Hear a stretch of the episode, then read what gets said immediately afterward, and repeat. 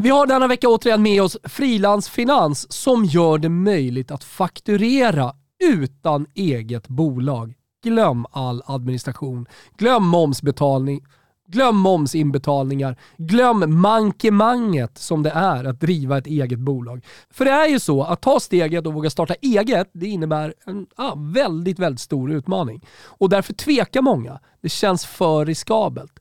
Och vad är det egentligen som säger att vardagen blir roligare om man startar eget? Egentligen.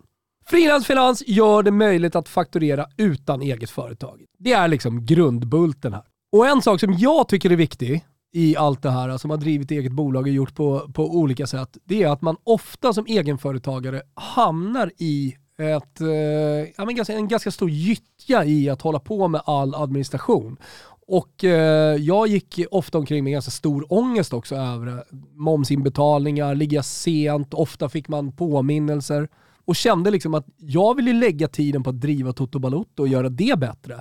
Inte sitta med den här ångesten och eh, ja, men all den tid och all den energi som eh, det faktiskt tar att eh, driva ett eget bolag. Hos Frilans Finans är det väldigt enkelt att vara egenanställd och man är dessutom försäkrad. Alltså behöver man inte oroa sig över att vara otrygg på jobbet eller om man gör ett extra gig. Och så får man, lyssna nu, lön skattad och klar av Frilans Finans inom fem dagar.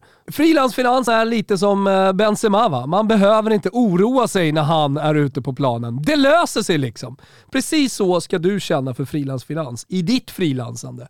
Läs mer på frilansfinans.se och testa det här. Det är riktigt, riktigt bra. Vi säger stort tack för att ni är med och möjliggör Toto Balotto.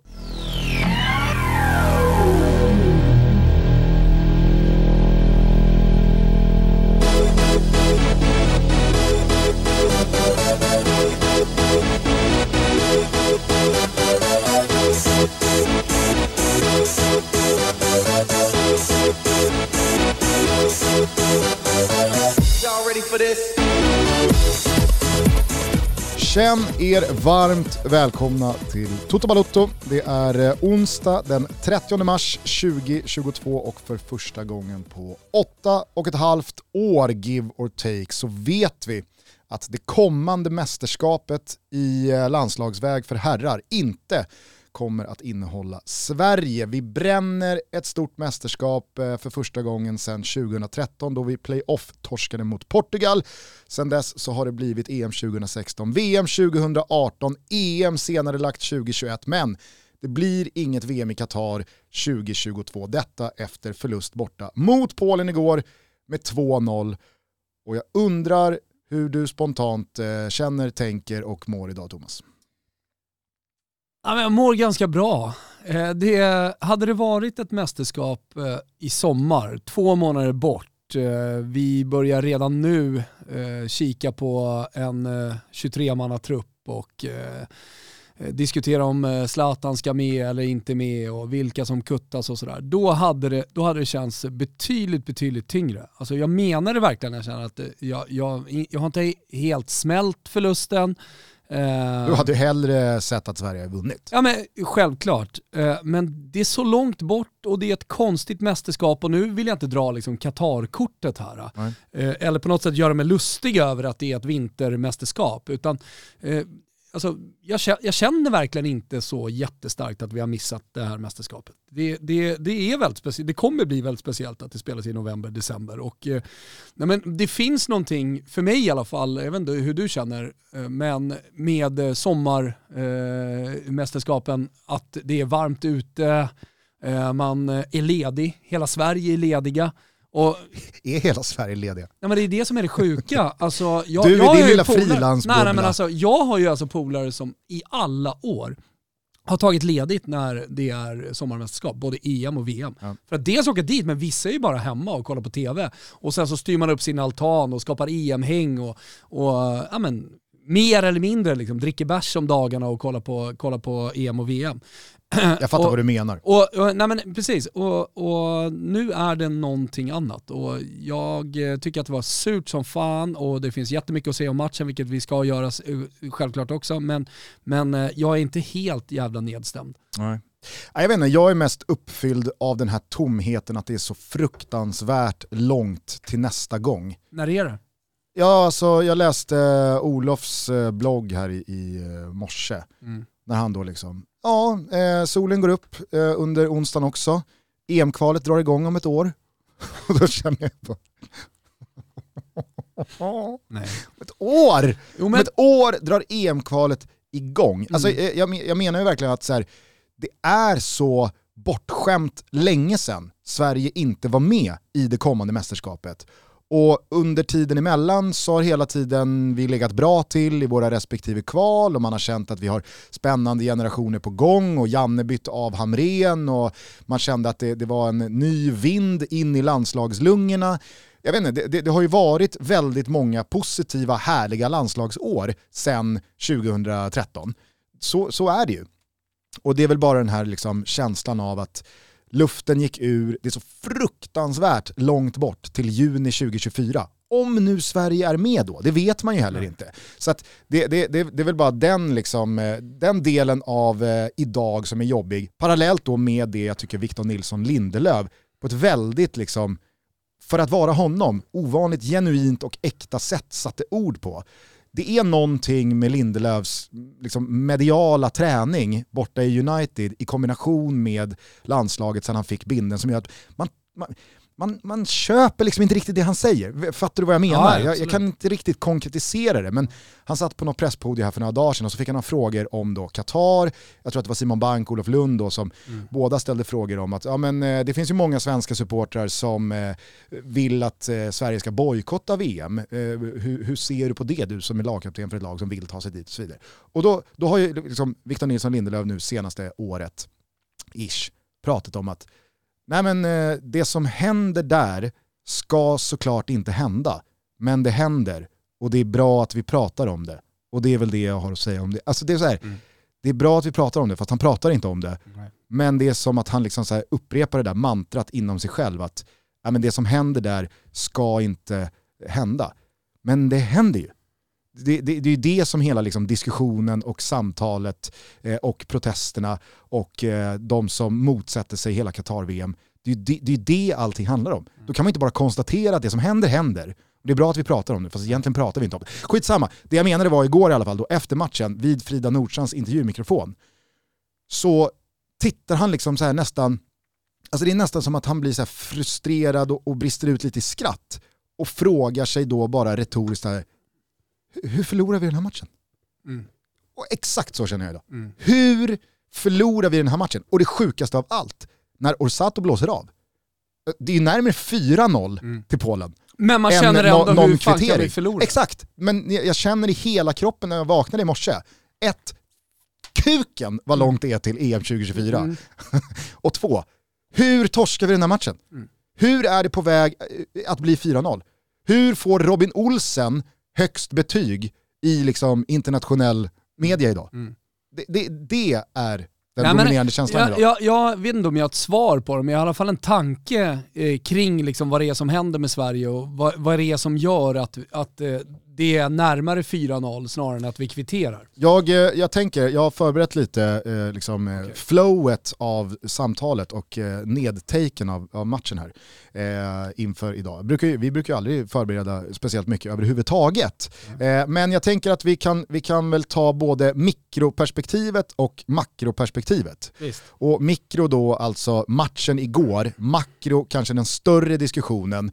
Eh, zooma ut lite och titta på det senaste landslagsåret, vad händer nu och så vidare. och så vidare. Innan, vad, vad, tror du om innan, det? Ja, men det tycker jag är jättebra, men innan du säger det så vill jag bara flika in eh, ytterligare känslor kring mästerskap och eh, Sveriges deltagande. Att jag, jag är uppvuxen Eh, först på 80-talet med VM 86 eh, som är det första och sen VM 90 till viss del EM 92.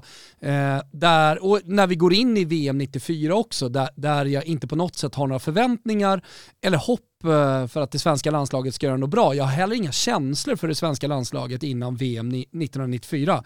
Utan eh, för mig så har VM varit någonting annat, någonting mycket större, mm. snarare än Sveriges deltagande. Och det måste jag eh, säga att det, det känner jag fortfarande idag. Därför tycker jag det är jättesynd att Italien inte är med.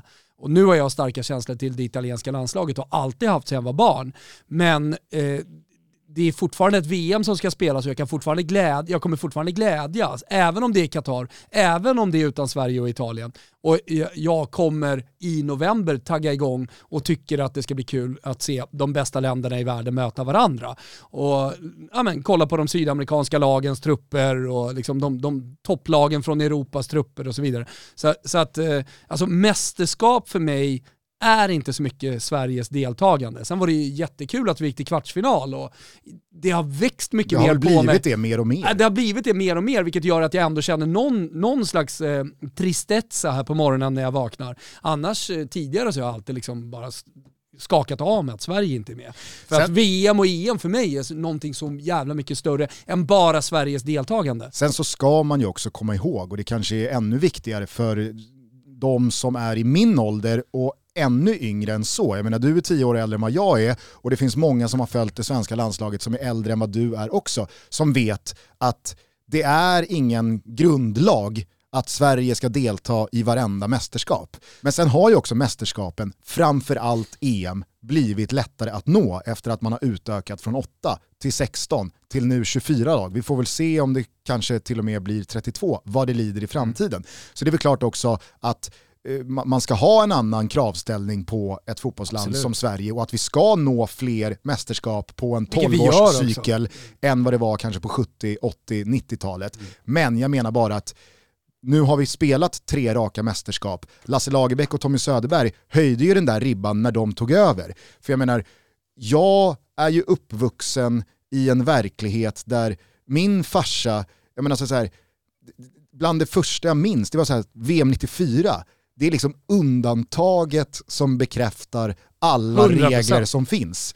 Tro inte att Sverige är någon jävla liksom VM-medaljör. Jag, jag, vet inte vilken blixt som slog ner här, men vi kommer från ett 80-tal där vi liksom inte spelade ett enda mästerskap. Vi drog tre raka torsk i VM 90, bränner EM 96, VM 98. Alltså det, är här, det är ju också en del av den svenska landslagshistorien som man behöver nyansera Definitivt. upp sådana här brända mästerskap med. Att, Men det är också viktigt att säga, liksom, för mig fan. i det här, att, att jag älskar fotbollsmästerskap. Ja, och, ja, och jag, kommer, jag kommer se jävligt mycket fram emot VM, eh, även om Sverige inte är med. Så är det, så är det absolut. Men okej, eh, ska vi börja då i eh, mikroperspektivet och bara eh, fokusera på matchen igår då. Mm. Eh, så tänker jag att eh, vi kan väl eh, börja med att konstatera att jag, du tror jag också, och väldigt många andra hade en ganska bra känsla Eh, dels eh, så fylldes jag av en tro på startelvan, det pratade vi om igår eh, eh, förmiddags inför. Men sen så tyckte jag också att det fanns en optimism som spirade och som nästan förhöjdes när regnet började falla och man började känna liksom den här att vi har självförtroende, vi har en tro på det här, eh, vi har historiskt sett gjort bra resultat mot Polen på den här arenan dessutom. Och jag tycker bortsett de första två, tre, fyra minuterna, att Sverige tar tag i matchen. Jag tycker att det är Sverige som eh, etablerar anfall på Polens planhalva. Sen absolut har de en av världens bästa spelare längst fram och så fort bollen dimper ner på svensk planhalva så känner man ju lite oro. Men jag tycker att Marcus Danielsson har bra koll på Lewandowski, jag tycker Karlström och Kristoffer Olsson kommer jättebra in i matchen. Olsson slår ju ett par riktigt eh, öppnande, bra, konstruktiva passningar. Karlström vinner boll, vinner dueller. Jag tycker att eh, Dejan Kulusevski visar liksom på en gång att jag må utgå från höger, men jag kommer röra mig lite överallt.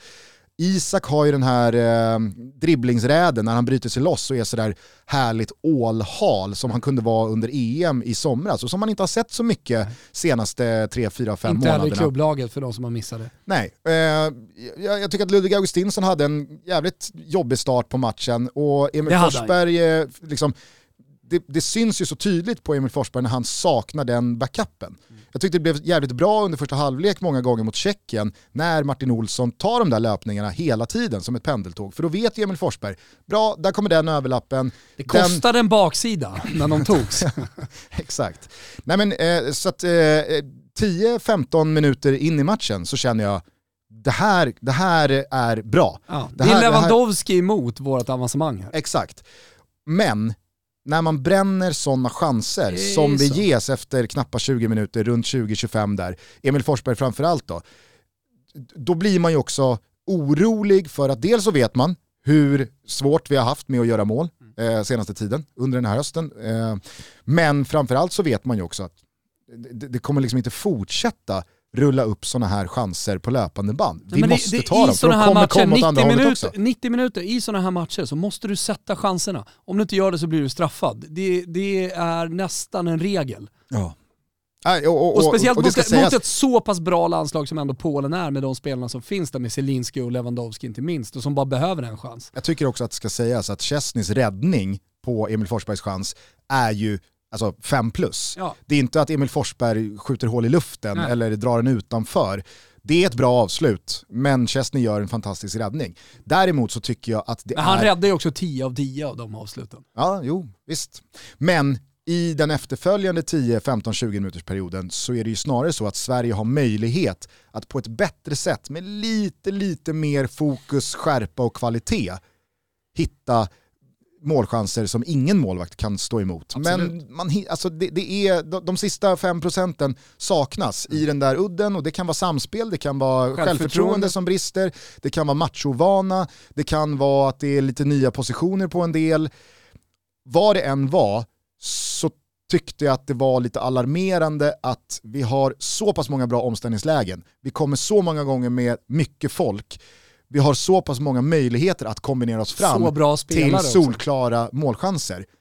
Men bollen var aldrig riktigt nära att hamna i mål Camille efter den där... Glitz Ja, jävla fot i vägen hela tiden. alltså, hur, hur han löser 90, minuter, igår. Nej men det, det, det är ju... Ser du, alltså, ser du att han kör bytestecknet ut mot bänken efter en och en halv minut? Ja. Han kör ju liksom tröjan jag över tror- huvudet jag eh, tror när han går det ut ja, men jag eh, i spelartunneln. Tror det är dels en strategi för han själv att fortsätta kriga. Vet du vad han såg ut jobbar, som han, igår? han, jobbar, han, han blir liksom en underdog i en boxningsmatch någonstans. Ja. Han blir Rocky. Vet, ja, men vet du vem han såg ut som igår? Eller vad han såg ut som igår?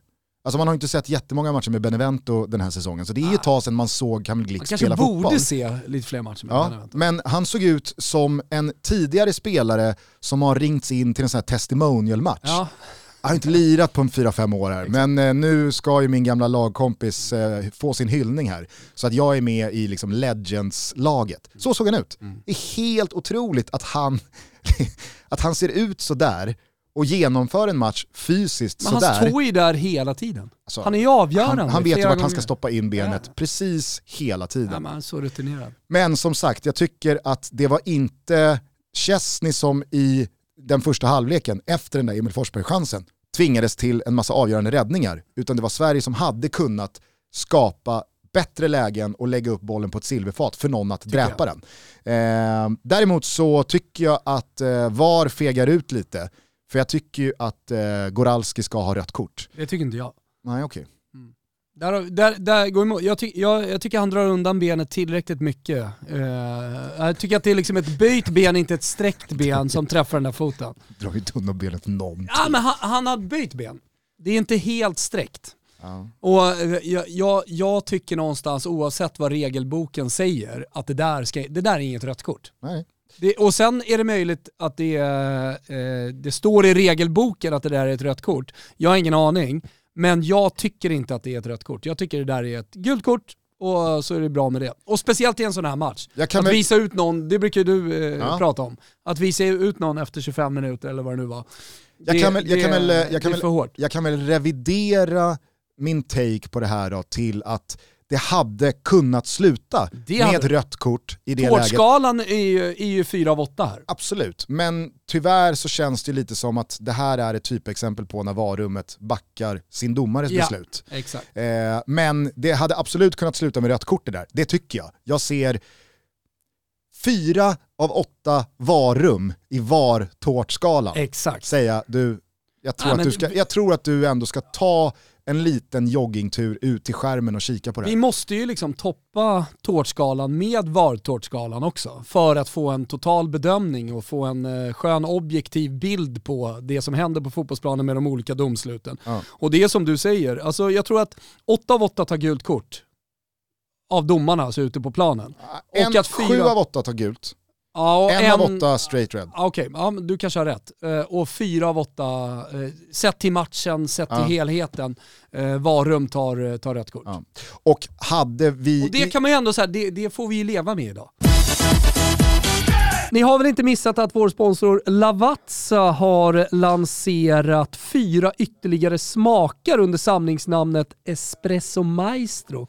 Och det är en kapsel för espresso, classico, en kapsel för lungo och en kapsel för ristretto samt en kapsel som är helt koffeinfri. Den ger jag till mina barn. Det är ett tips för eh, alla er där hemma som har barn som gillar kaffe och eh, ni känner att det blir lite fel, vilket det är, att ge koffein till barnen.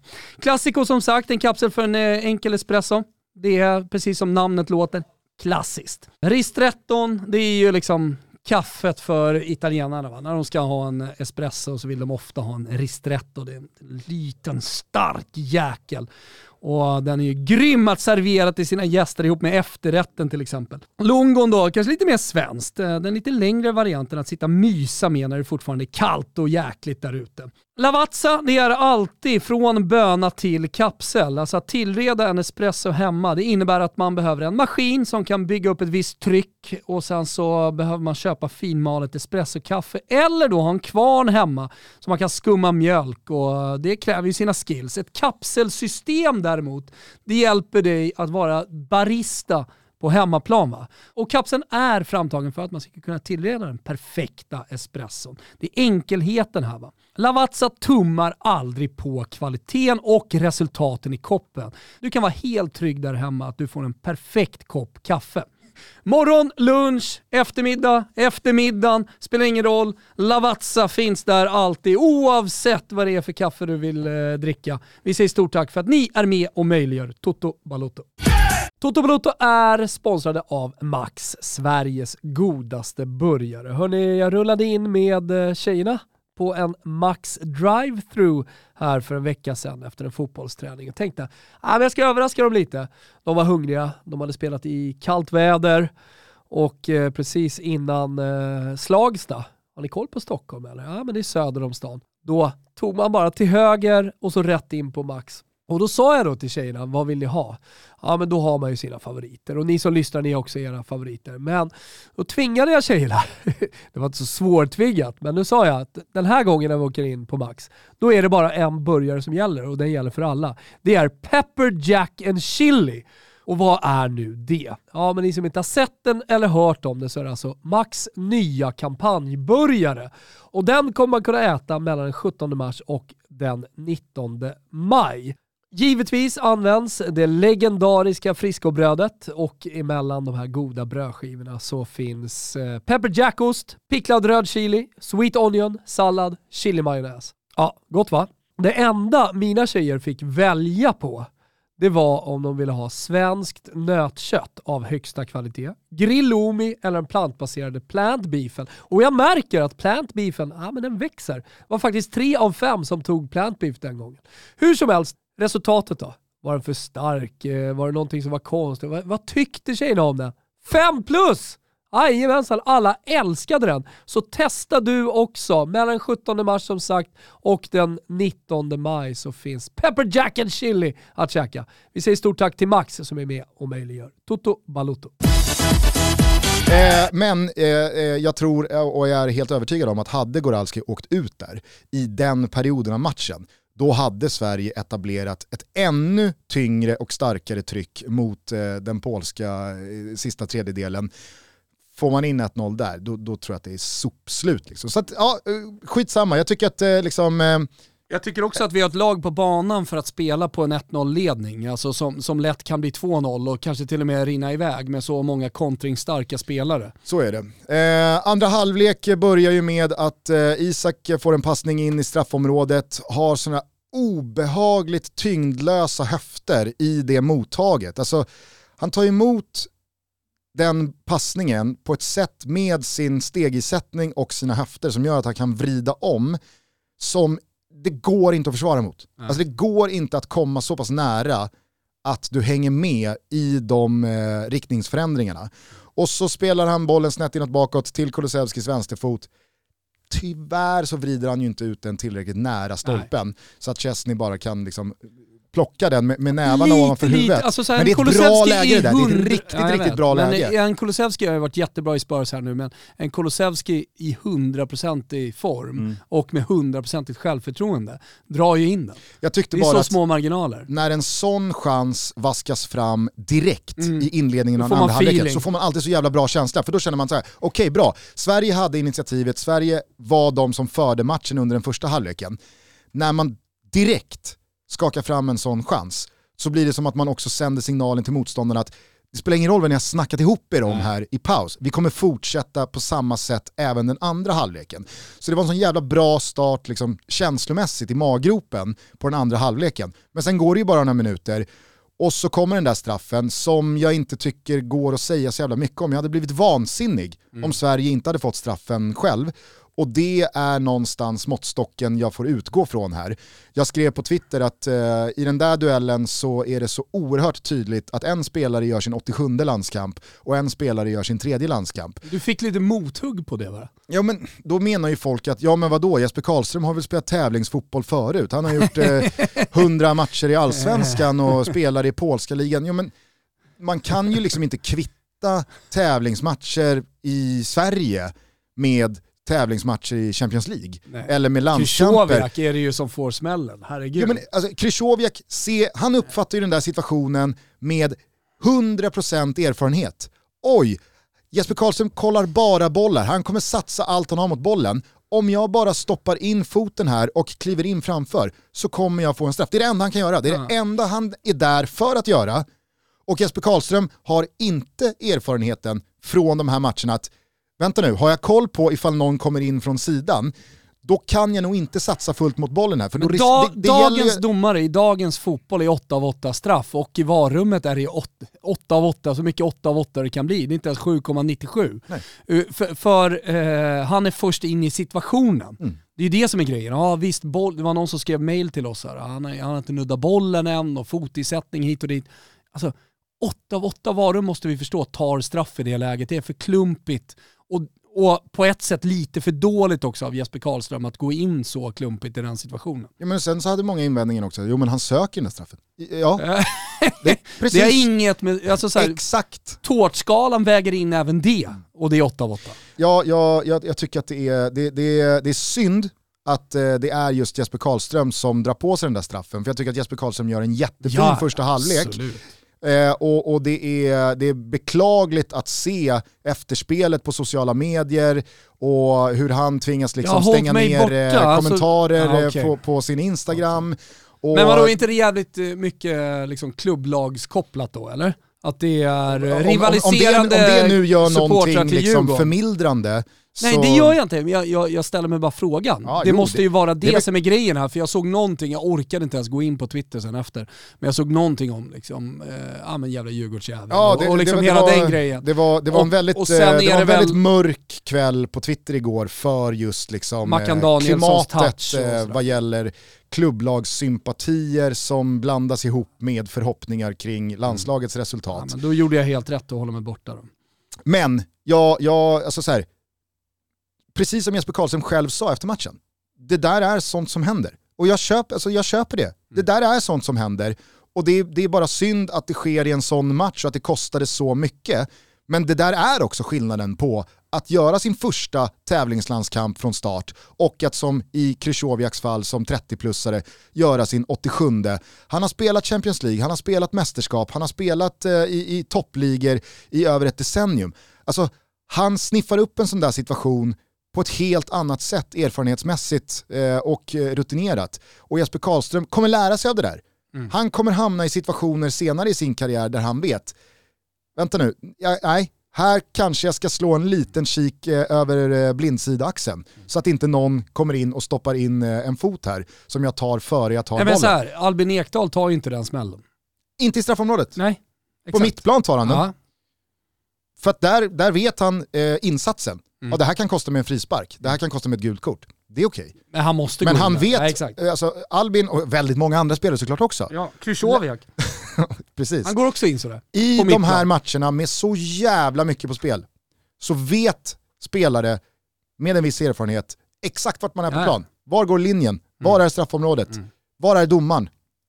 vem, är, vem, är, vem är på väg Ja. in i den här eh, duellen? Mm, liksom, det, det, det, så är det bara. Mm.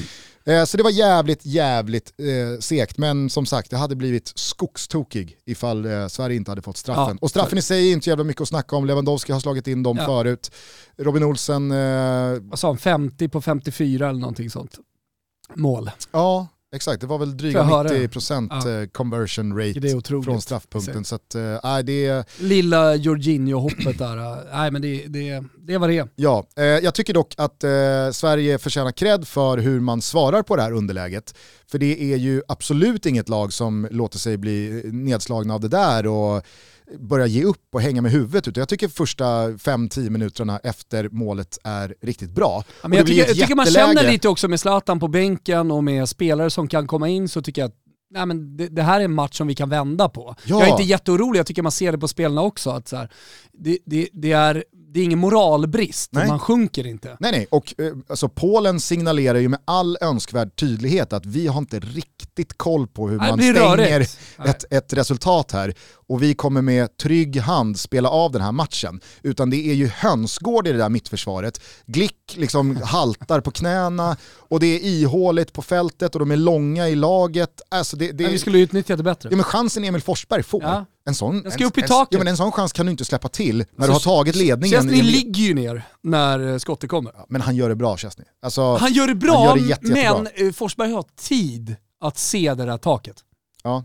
Sen är det ju svårt att med den vinkeln få jobba utåt med fel fot, håller- ja, få absolut. höjd på den. Absolut, men det är ju touch innan och, och liksom Sätter sätter han, man... den, sätter han den högt i taket, då är det, det är ett världsklassnummer då. Ja.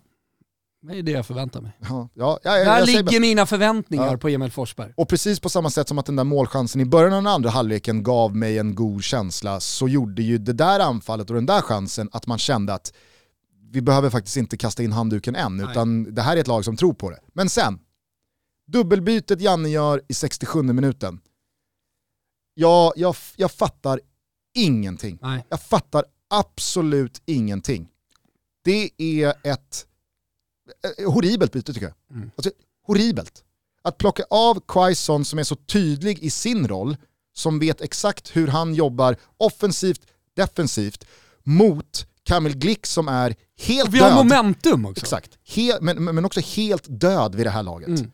Att då plocka ut Robin Quaison som vet exakt hur han ska löpa och vad han ska göra mot Anthony Langa i en ovan roll som inte har gjort de här matcherna förut i det här laget. Ängsligt. Ja, men framförallt att plocka av Jesper Karlström som står för den där balansen. Som, hur många gånger ska liksom, vi vara utan Albin-spelaren på det där mittfältet och konstatera att vi tappar all balans. Mm. Och utan den där balansen Så då skapar spelar, vi det, men då spelar det lägen. ingen roll Nej. hur många offensivt skickliga spelare vi har framåt. För det, de, tar, de tar ut varandra, det finns liksom ingen stadga, det finns ingen, det finns ingen trygghet i att jag kan nu fokusera på det här för att vi löser defensiven och vi löser bollsamlandet och vi löser etableringen av possession på offensiv planhalva ändå.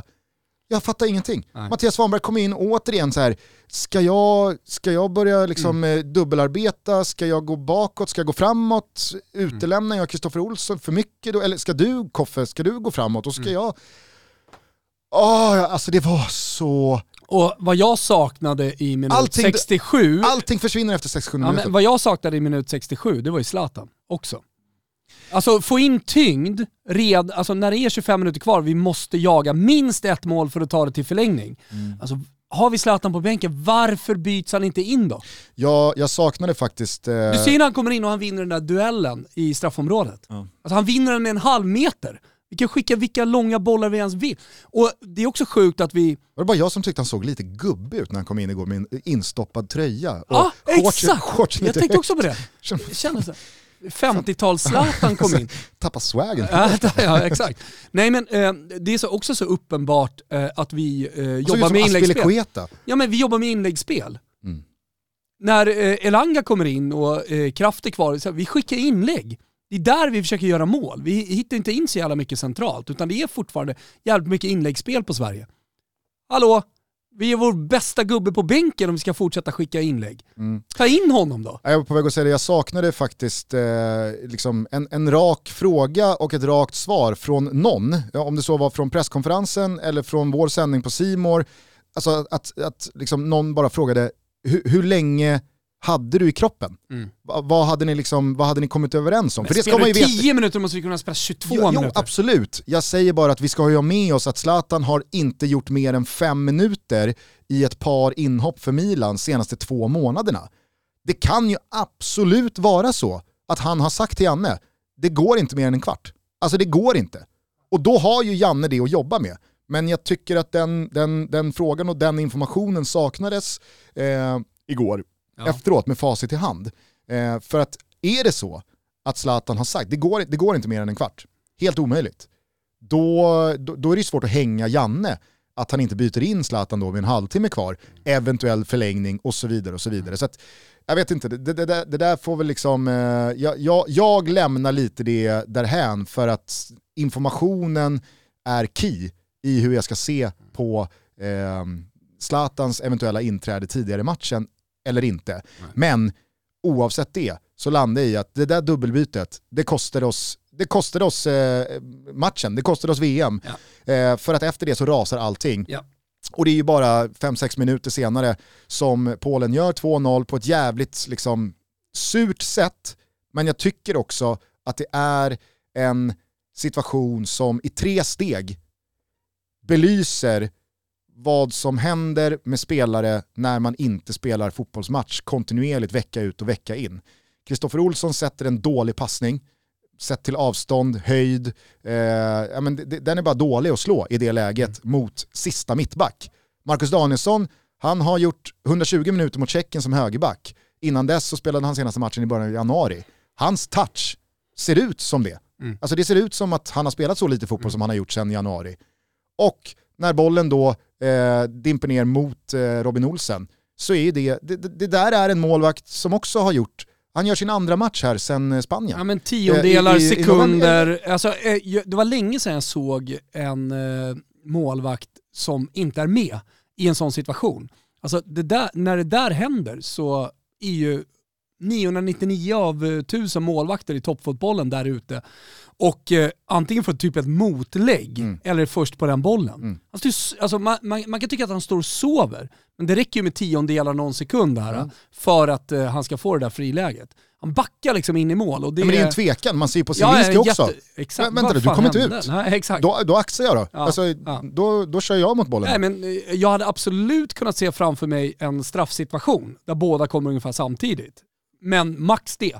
Och det där är ju någonting man får liksom kalkylera för och som man får prisa in i att spela Verkligen. spelare som man vet är machotränade. För det där går inte att upprätthålla under en, två, tre, fyra månaders tid. Man tappar de där grejerna. Man tappar de där sista procenten. 100%. Så det, det, det, det faller ju också på ja, men, besluten att involvera kanske någon spelare för mycket som inte spelar kontinuerligt i sitt klubblag. 100%. Det funkade med en Ola Toivonen här och det har funkat med Robin Olsen där, absolut. Men det kanske har varit en spelare för mycket eh, i några matcher under, under det här kvalet. Eh, sen så tycker jag att eh, det, det, blir liksom, det blir Georgien all over again. Mm. Kommer du ihåg hur lack jag var i eh, höstas eh, när då vi hamnar i underläget mot Georgien och det blir panikbyten med allt vi har Mm. och då blir det bara liksom, det blir bara pannkaka av allting. Ingen vet vad de ska göra. Det enda som, liksom, här, det enda som finns i kortväg att spela ut är den långa snöbollen mot Zlatan. Mm. Men det är också det enda som sker Mm. sista 10-15 minuterna. Polen har en, en eh, period strax innan 80-strecket och en bit in över 80 plus. Där de, alltså, de får sån hjälp av oss att döda tid. Ja, ja. Vi kommer liksom ingenstans, vi bjuder på hörner och Ja, ingen, vill- ingen vill ha bollen och ingen vet riktigt vad man Ja, ska göra två- mer ju man står och pekar med situationer. armar. Nej, men och... två situationer som är väldigt talande tycker jag. Det ena är när Emil Forsberg får bollen, bara kan vända upp. Alltså har man, är man glasklar i huvudet där, vilket man borde vara även om det har spelats eh, 80 minuter fotboll, eh, så, så vet du var du ska sätta den bollen. Du vet hur du ska vända upp eller spela på rätt vänd och, och, och hur du ska kontra i det läget. Hallå, vi ligger under. Mm. Det måste liksom bara välla fram spelare. Alla ska vilja gå framåt. Men istället så tappar han bollen, eh, får spelare i ryggen, tänker till alldeles för länge och sen så har vi nästan en identisk situation med Dejan Kulusevski. Han står och vet liksom inte vad han ska göra när han får bollen felvänd eh, på, på mittfältet. Första touchen går åt fel håll. Mm. Eh, Så här, kom igen gubbar, Ja, Vigge, herregud. Vigge är ute vid hörnflaggan också, kan bara spela hem den till Robin Olsen, Ja. så kommer Polen vända tillbaka. Äh, Han ska ut mot hörnflaggan igen och hamnar under press Exakt. och tappar ut den till hörna och står och skriker på någon annan. Det vill säga, vad fan är det som händer? Mm. Men jag, jag, alltså, jag, jag hör ju vad du säger och jag fattar vad du menar. Men just det där att alla ska bara välla framåt. Jag, jag, Nej men i ett kontringsläge Ja, när ja, Polen absolut. ändå flyttar Ja. fram så har här- han ju inga alternativ. Nej. Och första touchen går, eh, blir ju fel. Han tar ju in boll snarare än liksom söka en fri yta med bollen. Hur många gånger den här säsongen har man inte pratat om att det är inte bara för PSG att skicka på Mbappé, Messi, Neymar, Di Maria, hela jävla gänget och så kommer det bara det liksom inte. spelas fantastisk anfallsfotboll. Så funkar där. inte. Eh, hur många gånger såg man inte Argentina med Messi, Agüero, Iguain, Mm. Eh, Di Maria också? Alltså, det, var bara, nej, det var bara att köra. Det såg skit ut. Det Nej. skapades knappt Nej men en absolut, målchans. alltså, du behöver Krychowiak-typen. Verratti i laget och så vidare i PSG för att det ska funka. Exakt, det måste finnas en balans, det måste finnas en metodik, det måste finnas klara roller. Mm. Att kasta på allt man har och ha liksom på planen Antoni Elanga, Dejan Kulusevski, Alexander Isak, Zlatan Ibrahimovic, Jesper Karlsson, Mattias Svanberg Kristoffer... bara så här. Mm. Ingenting Ingenting hände med någon form av struktur. Det, det var noll ordnat anfallsspel, det fanns noll kombinationer. Som- och, och Emil, Fors. Emil Forsberg på också. Och det var precis så här det såg ut mot Georgien. När man, man kände att så här, det är ingen som vet vad någon ska göra. Överhuvudtaget. Det är så många kockar som är nere och kladdar i den här soppan att den smakar skit. Mm. Så att, nej, det, var, det, var en, eh, det var en riktigt, riktigt sorglig eh, forcering. Och, Ja, det var ehm, inte ens någon. Nej, precis. Och när man summerar de sista 20 minuterna så är vi tillbaka där vi började. Med att det är Robin Olsen som håller nere de här siffrorna. Det är ett par riktigt svettiga räddningar på ett par nickar där eh, strax efter 2-0 målet. Eh, och, och, och det känns ju så jävla märkligt att man liksom efter matchen landar i att ja, det hade kunnat sluta 4-0 till Polen. Mm. Fullt rimligt. Mm. Men ingen riktigt fattar hur. För att Nej. Sverige hade sådana möjligheter att utnyttja det här motståndet, att utnyttja den här matchbilden. Men vi, vi, vi sumpar det. Mm. Alltså vi, vi sumpar det verkligen. Mm. Vi sumpar det själva. Och det, det, nej, det, det, det, det kändes fruktansvärt frustrerande. Men jag, kan, jag kommer inte ifrån det där dubbelbytet. Jag tycker att det är, det är, så, det är, det är, det är för Ja, men det är jag, för jag tycker, jag tycker, bort, jag, jag tycker att det är balansen ängsligt. med, Det med en ja, jag knappt det. halvtimme kvar Men, men i det, det, är, uddamålsunderläge. det det är är ju panikartat, ängsligt, eh, utan tanke. Men är det, är det inte också lite att Janne kejvar för trycket utifrån? Jag vet inte. Ja, det är lätt att landa där. Absolut. Det är Men klart. Det, jag också det, det, det, tänkt det är väl en rimlig liksom, Ah. fråga att ställa. För, kolla på Hamrén, han, alltså, det var, Ja. där var det i och för sig populistiskt från väldigt tidigt in i hans Exakt. förbundskaptenskarriär. Men det är ju så många som skriker efter Zlatan, som skriker efter Elang och då vet ju Janne att om vi torskar den här matchen, lite som vi, alltså så här, du har gläntat på den dörren redan. Ja. Det, var väl, alltså det, det, var, eh, liksom, det var det enda folk snackade om igår på sociala medier. Var är Zlatan? Haha! Var är Zlatan? Hoho, Janne larma om du lever, vakna. Alltså så här, vi, vi, vi har Zlatan på bänken, vad fan Mm. Ja, du vet, här- ju, vet du var jag står där också? Jag tycker att det är Absolut, jättemärkligt. jag menar Men- bara att det är väl klart att Janne känner det trycket också. Ja. Att åka ut i ett playoff mot Polen, Och inte ha vågat Och gått inte ha för, gått före med det allt det vad som man har. Ja. ja, det leder väl förmodligen till att man stoppar in allt man har och så ser det ut så här. Och så ser det ut så. Exakt. Istället för att man är trygg i att jag vet vad som funkar och vad som Ja. inte funkar. Vi kan inte kasta på allt vi har. Nej. Jag, vet- jag vet inte. Nej. Jag, Nej, men det, det, det, är ängsligt och det är panikartat och kanske också att han känner lite tryck utifrån. Jag har ingen aning. Vi får ju fråga honom eh, när vi, när vi pratar med honom senare. Mm. Och sen så tycker jag att Janne liksom, han, han, han svarar ju rätt på alla frågor han får från eh, Frida efter Mm. matchen. Vi skapar chanser men vi sätter inte dit dem och liksom, jag kan göra mycket med det här laget men jag kan inte sätta dit målchanserna. Eh, och jag menar, det, det, det är väl bara att hålla med om. Mm. Sverige har ju många möjligheter till att ta ledningen i den här matchen. Verkligen. Och gör vi det, ja då slutar den förmodligen på ett annat sätt. Mm. Å andra sidan, om vi nu skiftar perspektiv från mikro till makro, Okej. så är det ju så att en gång är kanske ingen gång. Två gånger är kanske en gång för mycket. Men när vi nu summerar de senaste 365 dagarna av svenskt landslagsspel så är det ju långt ifrån bara två gånger Mm. Sverige har, citat, skapat chanser men inte gjort mål. Ja. Ser vi till de fyra senaste tävlingslandskamperna vi spelat, Polen, Jag kanske Tjeckien, lite rätt Spanien, i Mar Marcus Georgien. Berg-saknandet då. Kanske, Mm. men återigen, ser vi till de här fyra senaste landskamperna, där vi verkligen sumpar den här VM-platsen, Polen, Tjeckien, Spanien, Georgien, Ja. Alla matchbollar vi- vi hade. så gör vi under ordinarie 90 minuter noll mål. Mm. Vi får in Det- ett mål mot Tjeckien i den andra förlängningskvarten. Och det vi har pratat om under den här tiden, de senaste eh, två åren, är ju hur fröjdigt, härligt, bra det ser ut talangmässigt på de offensiva positionerna. Mm. Eh, Men att det kanske är lite trubbigt bakåt. Vem är nästa balansspelare? Vi hittar Kajuste nu, Karlström. Eh, Mittbackarna, vad händer där? Vigge såklart, han har mästerskap och ett kval i sig. Ytterligare med Mackan Danielsson, eh, till viss del Helander, eh, det, ja, ytterbackarna. Eh, det, det, det finns, alltså hålen har funnits snarare då i, i backpositionerna och i de defensiva rollerna. Mm. Samtidigt som vi har uppat då vår, vår härliga offensiv och hur mycket talang det finns där. Ändå gör vi inga mål. Nej, precis. Och då, då, då kan vi liksom eh, bredda det här perspektivet än mer, för det är ju inte bara de här fyra senaste matcherna. Vi satt för ett år sedan och kliade oss i huvudet efter ett krampaktiga noll hemma mot Georgien och undrade, ursäkta, vad fan var det där? Eh, vi torskar mot Grekland i Aten, också med en alldeles för undermålig insats både off-def. Vi vinner förvisso matcherna på hemmaplan mot både Grekland och Kosovo, men du minns säkert det sammantagna intrycket av att vad är det egentligen för liksom konstruktiv och Absolut. kreativ anfallsfotboll vi uppbringar mot så här Vi- svagt du kommer ihåg motstånd? Norge, EM-kvalet på hemmaplan, där vi får kryss mot Norge.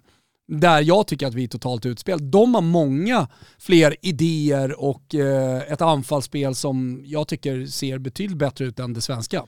Jag, jag håller med, Alltså om du nu ändå ska väga in historiska prestationer, prestationen i sig snarare än resultat. absolut, och jag håller med, men jag tycker också att man ska göra skillnad på det landslaget och det landslag som vi har sett senaste året. För att det var ett annat typ av landslag med en annan stomme, med andra spelartyper. Det var Vill du landslag... komma i, makro, eh, i makrobilden här på det svenska landslaget att vi måste ha en annan eh, numerär uppställning? Alltså, det- Spela 4-3-3 det, det, det, har, vi, som det har vi pratat eh, om eh, på senare tid många gånger, absolut.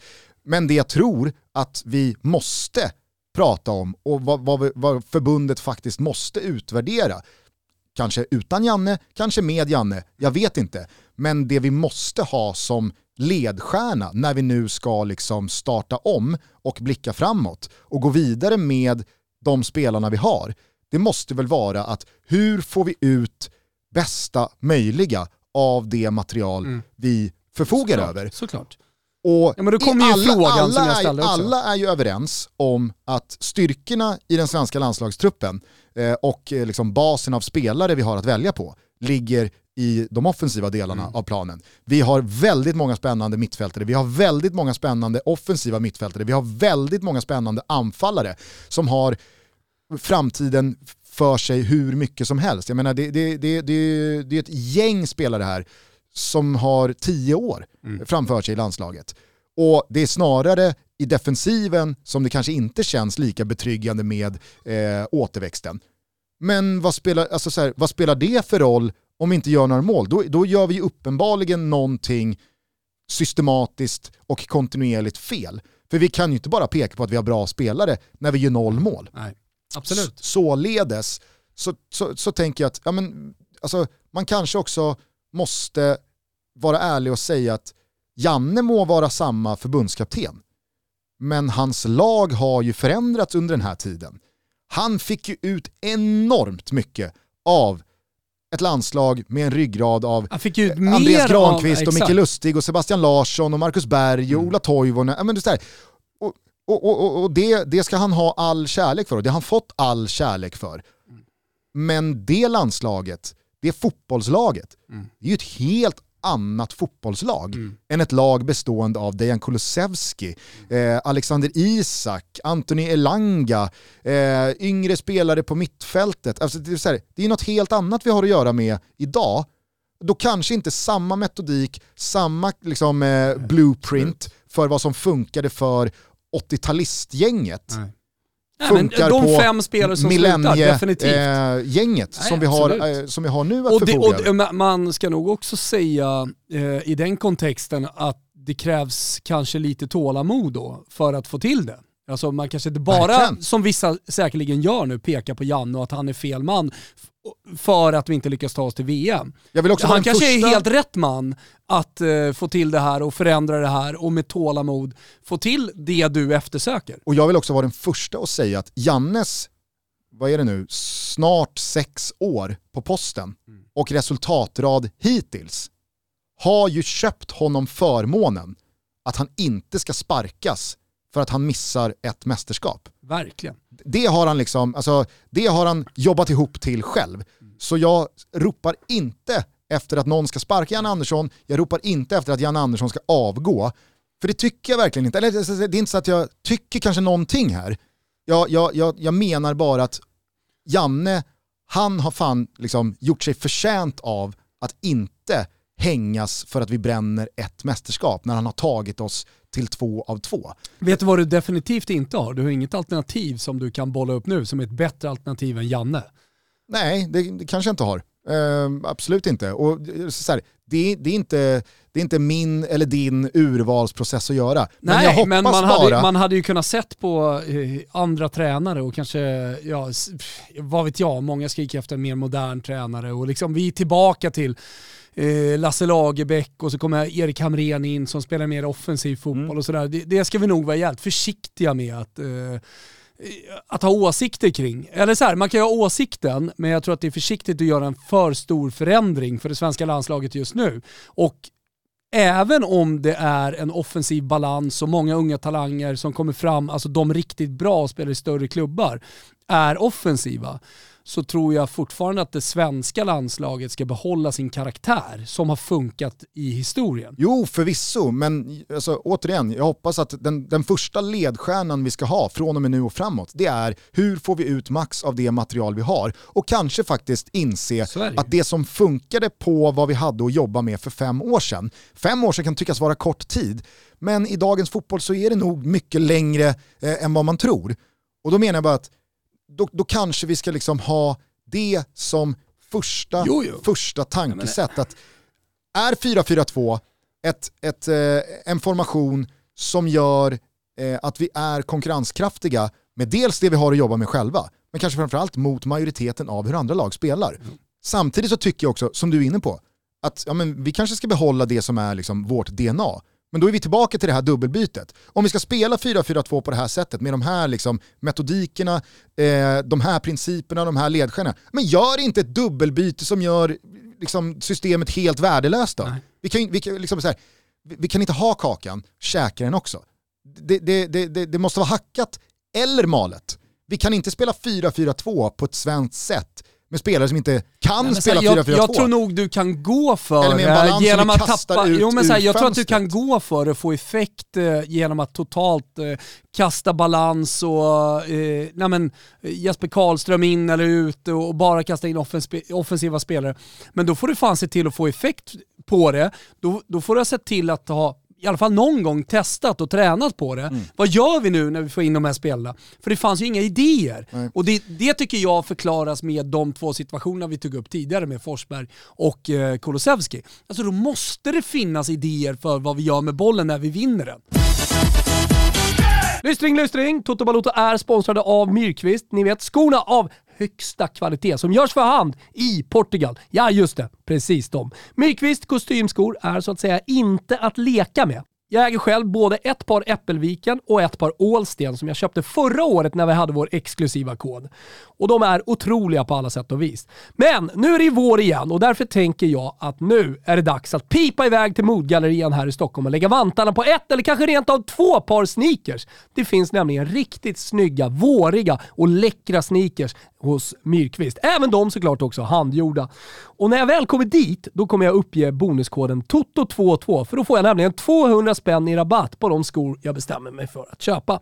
Gör det ni också. Koden gäller nämligen bara mars ut och den kommer inte komma tillbaka om en månad eller om två månader. Så ligg inte och slagga på det här nu. Toto22, 200 spänn rabatt, gäller på samtliga skor. Har man inte möjligheten att kliva in i butiken här i Stockholm, då är det myrkvist.se som gäller och det är ju öppet dygnet runt, det fattar ni ju. Vi säger Stort tack Myrkvist för att ni gör så feta skor och att ni är med och möjliggör Toto Balutto.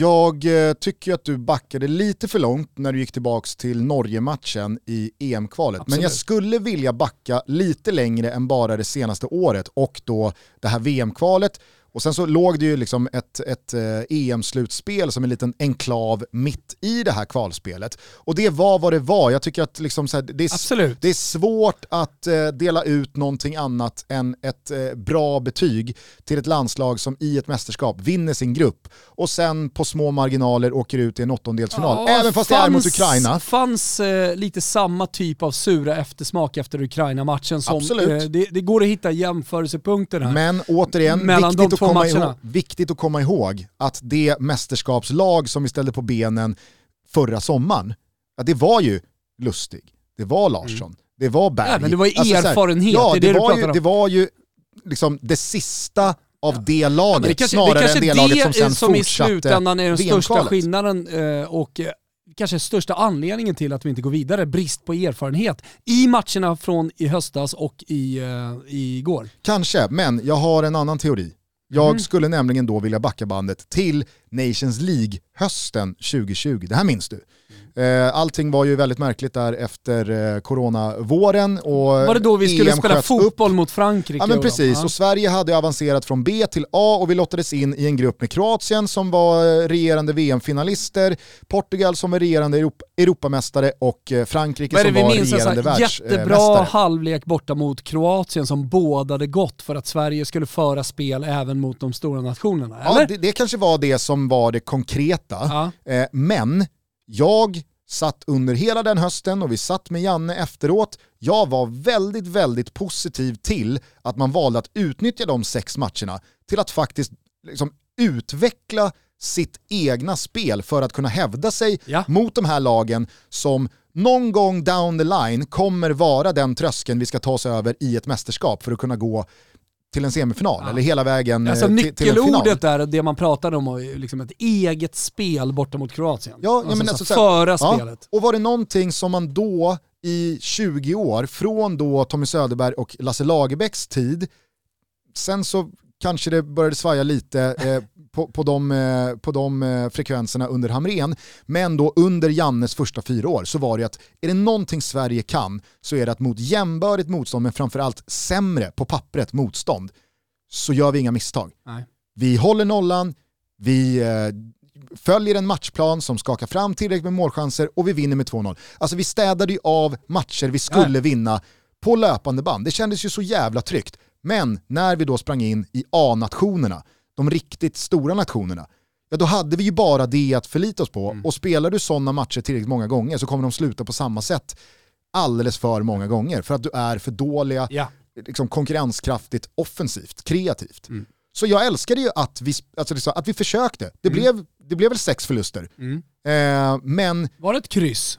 Men jag upplevde också att det tog oss framåt. Ja mot de här typerna av nationer. Sen så kanske vi frångick det mot Spanien då ett halvår senare väl i mästerskapet. För då var vi tillbaka i att vi, vi fredar vårt straffområde. Ja, resultat, vi var inte där än. Nej, men med det då in mind så tittar jag tillbaka på det här kvalet nu och känner vår bästa match, vår överlägset bästa match var Spanien hemma. Mm. När vi då vågade försöka mm. med det vi hade liksom påbörjat ett år tidigare mot de här toppnationerna att nu, nu ska vi gå för det. Nu ska vi tävla med Spanien på det här sättet. Mm. Och vi lyckades. Vi slog dem fair and square. Det var ju en insats som var liksom, det, det var ju bland det Ja, men det var ju bästa då man, sett. kände att VM var klart. Vi vinner Ja. den här gruppen. Ja men framförallt så var ju då man kände att så här, nu är Jannes nya landslag här. Ja. Mm. Nu är den nya generationen på plats. Och vet du, vi kan faktiskt... Med, Span- Spanien i Sevilla var ett undantag. ja, verkligen. Och, Och det kunde man köpa det undantaget. och återigen, det var det sista skriket från det laget. Ja. Nu Nu var har det ju ett nytt nya lag. karaktärer, Exakt, nu var det en ny prägel av på spelare, liksom, ja. och det fanns en tro på att vi bemästrar det här spelet. Mm. Men om vi då ser helheten, vad gick förlorat? Ja, uppenbarligen så tappade vi någonting längs den här vägen i jakten på att kunna tävla med de bästa med ett offensivt kreativt Att bara spel. avfärda Eh, de... att städa av Georgien. Ja, exakt. Att städa av eh, Grekland, Mm. det försvann. Mm. Och jag vet inte riktigt om jag liksom är nöjd med Nej. att kunna slå Spanien, eller Nej, Italien, eller England, eller Holland eller vad det nu är, Mm. en gång. Men att det ska kosta att vi faktiskt förlorar rättvist mot länder som är på pappret betydligt sämre än vad vi är. Mm. Jag, jag, alltså så här, där har vi också hamnat snett, med facit i hand. Absolut. Och sen är det ju få matcher som man gör den bedömningen på, men det är ju det vi har att gå på såklart också. Ja. Och jag menar så här, det, det, det är för likt Grekland med Georgien. Och alltså, våra prestationer är för lika. Precis. Och, Och det är inte en eller två. nej. Nu är vi uppe på fem, sex, sju stycken. Ja. Och då, då, då kan man ju inte stå och slå pannan i väggen och säga "Ja, men vi skapar chanser, vi sätter dem bara inte. En gång kan man göra det. Och igår, återigen, Men vad vet ska du vad? Janne säga? Han Vi- har ju rätt. Vi Ja. har chanser, vi kan ta ledningen i den här matchen. Men nu kan vi blicka tillbaka på över ett år av för dåliga resultat mot Vet du för vad Janne dåliga har lag. nu, om han nu fortsätter, vilket eh, vi får tro va? Fick han frågan? Igår. Eh, om att han skulle fortsätta? Ja. Ja, ja. Han, Nej, men det men alltså så här, sa ju inte att Ja, jag är ju såklart immun mot att få sparken, men han sa när Frida frågade eh, om han har liksom tänkt över sin framtid, så sa han, jag kommer inte kasta in någon handduk, aldrig i livet. Nej. Eh, det, det jag ville säga eh, var bara att eh, nu har han ju tid på sig. Vad sa du? Ett år? Ja, Nations League drar igång igen i juni. Jo, jo, men på riktigt då? Mm. Innan nästa kval? Mm. Ett år? Mm. Ja, han har ju jättemycket tid då i Nations League, i träningslandskamper, bygga det här landslaget som kan både vinna fair and square mot eh, Spanien hemma, men också avfärda Georgien och eh, Grekland. Ett år på sig, det är jävligt mycket tid. Ja, och då pratar ju du ren liksom så här, resultatrad och vad vi kan förvänta oss av eh, vad man Nej, ska... jag pratar om utveckling av eh, Absolut. det Och, och, och det är det jag säger, men återigen. som alltså, du här, är inne på. Ja, och jag, alltså det, det var inget, jag, jag menar inte att du på något sätt uttryckte det fel, jag menar bara att framför allt så har man ju nu ett år på sig Ja. att optimera möjligheterna att hur får vi ut det mesta Ja, vi och det vet bästa. ju också vilka spelare som kommer spela. Exakt. Alltså, det- nu det- har vi Anthony anfallet, Dejan Kulusevski, Alexander Isak, Emil Forsberg förmodligen, Kristoffer Olsson, han ska Ersättare inte, till han- Albin om han, eh, hans kropp inte riktigt pallar. Mattias Svanberg och där finns, eh, alltså nu... nu Där har du en spelare som jag tycker måste hitta rätt i landslaget. Alltså, Alltså, som jag jag, sett ser det- jag honom i Bologna och då, de klubbarna som är intresserade av honom, alltså det, det, kommer det spelet kommer inte ut i det här landslaget. Jag har sett det där Mattias Svanberg-inhoppet 15 gånger nu. Ja. Han, han är överallt och ingenstans. Ja. Han, får liksom, Han vill mycket, han vill så jävla mycket och Ja. överarbetar och känner sig osäker i vad han har för roll. Det, det är så Tre, tre, manna, alltså. tre manna centralt mittfält med en eh, Regista och två stycken Metsala bredvid. Det, är- det är vad jag tror att vi ska gå vidare med. Nu är det ju fel dag eh, eftersom Sveriges U21-landslag stod för en klappkass insats igår mot Irland. Det var faktiskt beklämmande att se. Jag satt och kollade på Ja, den här matchen. såg lite också. Eh, men på det där inne i mittfältet så finns det ju jättefina spelare i Gigovic, eh, Findell, men kanske framförallt Bilal Hussein som jag tycker är liksom en framtidsman. Fan gick sönder igår. Rooney Bargi fick ju inte hoppa in igår, men eh, alla som har lyssnat på den här podden längre än eh, en vecka vet ju att det är ju ett eh, namn vi har köpt in oss på fullständigt. Ja. Det är ju svensk fotbolls framtid. Ja, verkligen. Det finns både ytterbackar och anfallare i det här u landslaget som jag tycker är, är väldigt spännande att på sikt börja involvera i, i A-landslaget också. Så att sammantaget, blicka på båda de här baserna, Makroperspektiv pratar du om.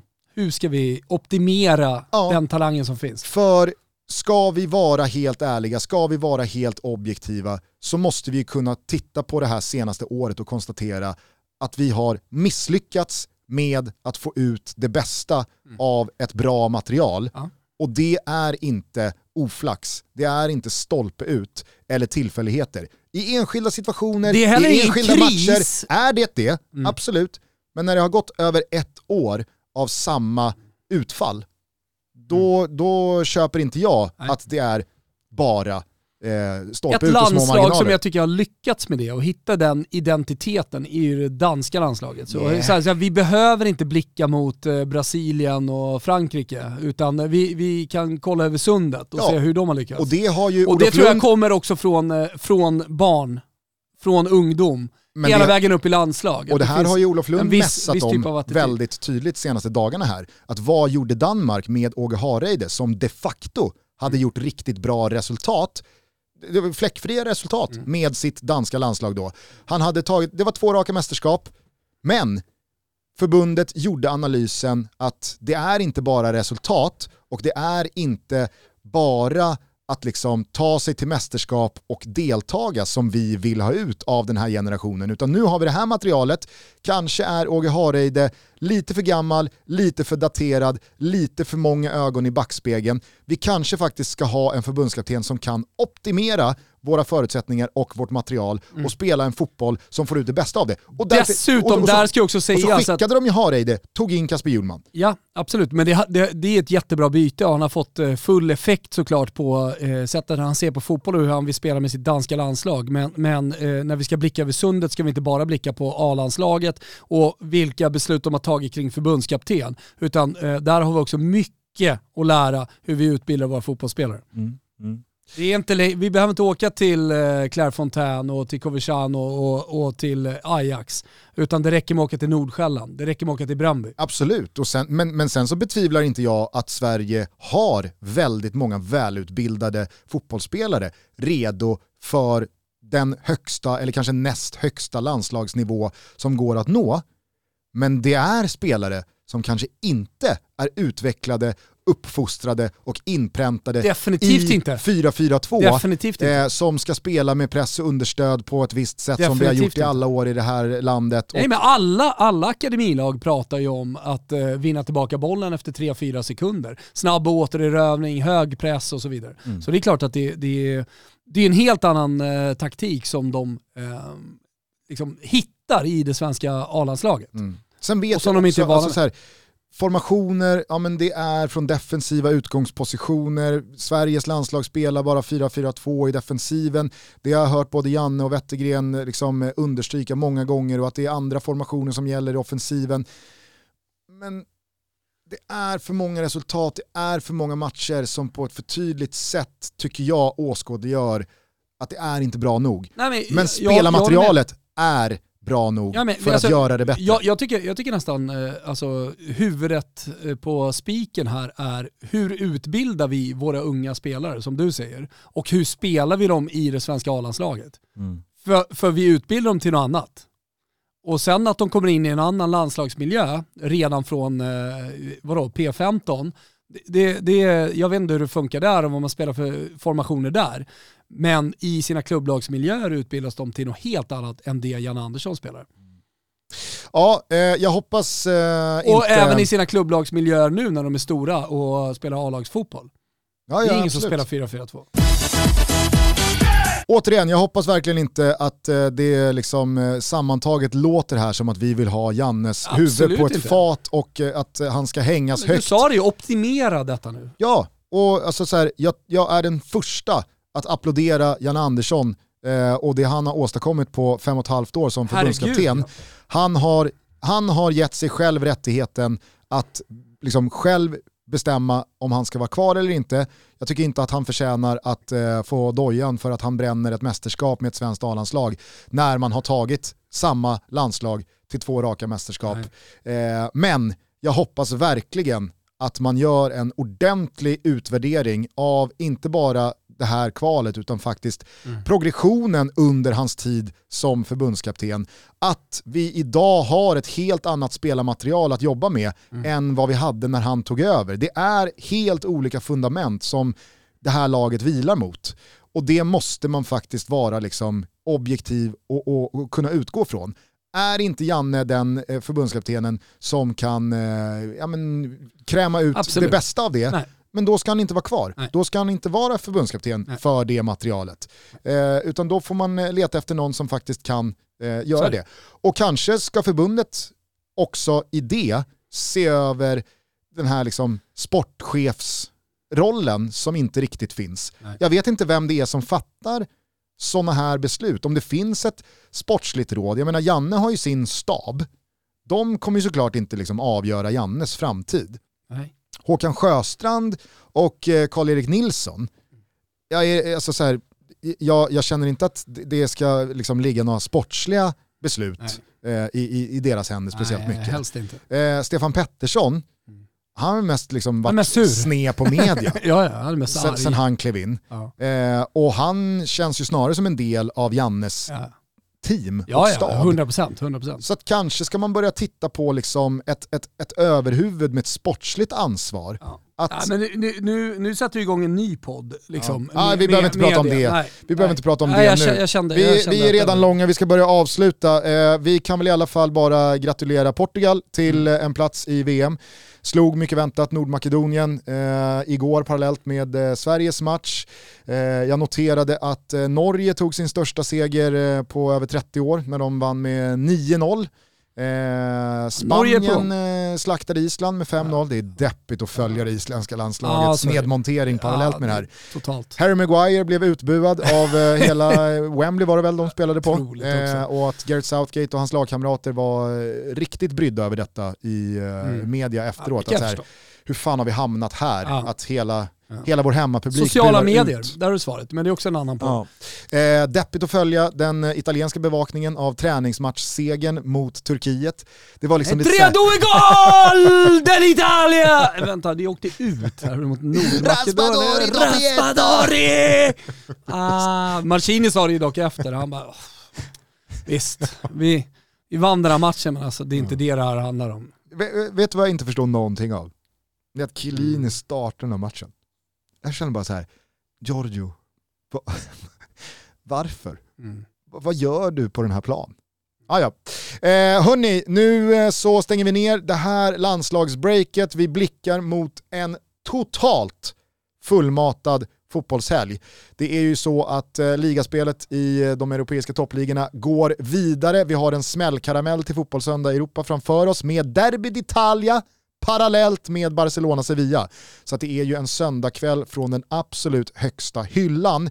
Ni ser mig välkomna er till på Simor 20.00 på söndag. Men det är ju utöver det dessutom allsvensk premiär. Hela helgen Ja, och måndagen lång. Så Ja. att, eh, det blir ju ruskigt, ruskigt fint. Nej, men det, det är väl det man går vidare från det här debaclet eh, med. Liksom, att det är otrolig fotboll som eh, kommer spelas från nu och fram till att liga, ligorna slutar. Det är en mästerskapsfri sommar, förutom då damerna som drar igång första juli och som vi i Toto 5 kommer följa och ha uppladdning inför. Så där ska ni hänga med såklart. Men VM spelas i Qatar i november, december. Jag, jag kan liksom inte med blickar mot eh, allsvenskan, ligaavslutningar, Champions League och så vidare. Jag kan inte nedslås från, för mycket. Nej, det, alltså, så Det, här, det, du är ju också den första förespråkaren för att man ska kunna hålla två tankar i huvudet samtidigt. herregud. Det är väl klart att man kan tänka och känna och tycka att det är jävligt trist att Sverige bränner det. VM. Och att det var väldigt länge sedan vi gjorde det och att man inte gärna upplever det allt för många gånger. Man är hellre med än utanför. Men man kan också hålla tanken i huvudet att ja, världsmästerskapet ser ut som det gör i år den här gången. Det är vad det är.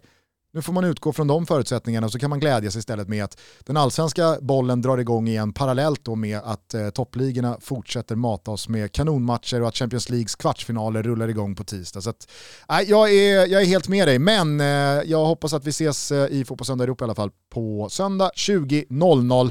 Och sen så är det ju som sagt Champions League-kvartar både tisdag och onsdag. Champions League som sponsras av Pepsi, så tipset nu när eh, det är en jäkla massa fotboll är ju att sätta sig, luta sig tillbaka, titta på Gusten och resten av gänget i Fotbollssöndag Europa och eh, öppna upp en liten vår-Pepsi. Kom då ihåg att det är en isbit som gäller, kanske lilla citronskivan, det funkar.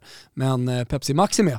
Sen är det ju så att vi kommer att ha en trippel i helgen, men det är onsdag när vi släpper detta. Vi behöver göra jobbet. Jag såg att Piontek eh, eventuellt är out för Fiorentina. Du vet, det är sådana detaljer som vi måste väga in om vi ska ha en riktigt, riktigt vass trippel. Så håll utkik på Instagram och på Twitter så kommer vi med en trippel bort hos Betsson. Eventuellt så hörs vi igen senare i veckan, eventuellt så hörs vi på måndag, eventuellt så hörs vi på tisdag i och med att den allsvenska premiäromgången rullar Mycket vidare över måndagskvällen. Så att ni får helt enkelt göra så som ni har gjort i över fem och ett halvt år. Hänga med! Jajamän! så missar ni ingenting. Vi älskar att eh, ni lyssnar. Återigen tack för alla fina ord om Pontus Wernblom avsnittet. Nu bryter vi ihop och försöker komma igen så ska det nog bli så som Olof Lund skrev i sin blogg att solen går upp även imorgon igen. Ska vi gå ut på Willy Piotes Camille Glick, hardcore? Ja, Kanske. Vi får väl göra det. Ja, vi får vi hylla får honom. helt enkelt göra det. Ja men det gör vi. Väl Tredje gången i kämpat, Totos historia. Camille. Här kommer Willy Piote från Piemonte med eh, hard, Hardcore come eh, Camille Glick Ciao. Tutti. Faccio cadere i corpi a terra, non scrivo strofe cronache di guerra. Potrebbe andare peggio, da domani piove merda. E sta tranquillo qua chi non si è mai schierato. Pugno chiuso e braccio alzato contro il vostro braccio armato. Vengo a riprendermi quello che mi hanno tolto. Il mio futuro è morto, sto mese sto un po' accorto. Come il mese scorso, ma tutto quel che so è che non sono un black block Sono incazzato e dammi torto. I tuoi eroi fanno cilecca sul più bello Fighetti strappagati come matri e borriello Esproprio proletario, ti entro in casa col click. Fanculi radical chic, restiamo hardcore come Camille Glick.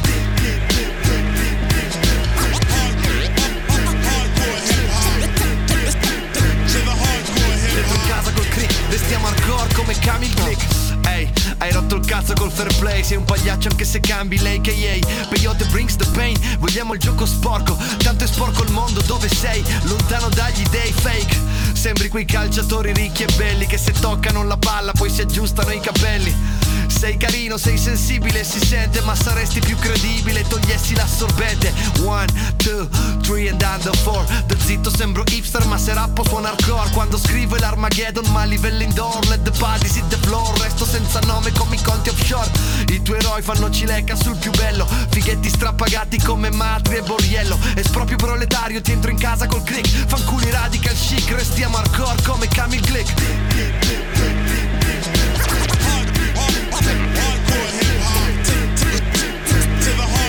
Dentro in casa col click, restiamo hardcore come Camille Glick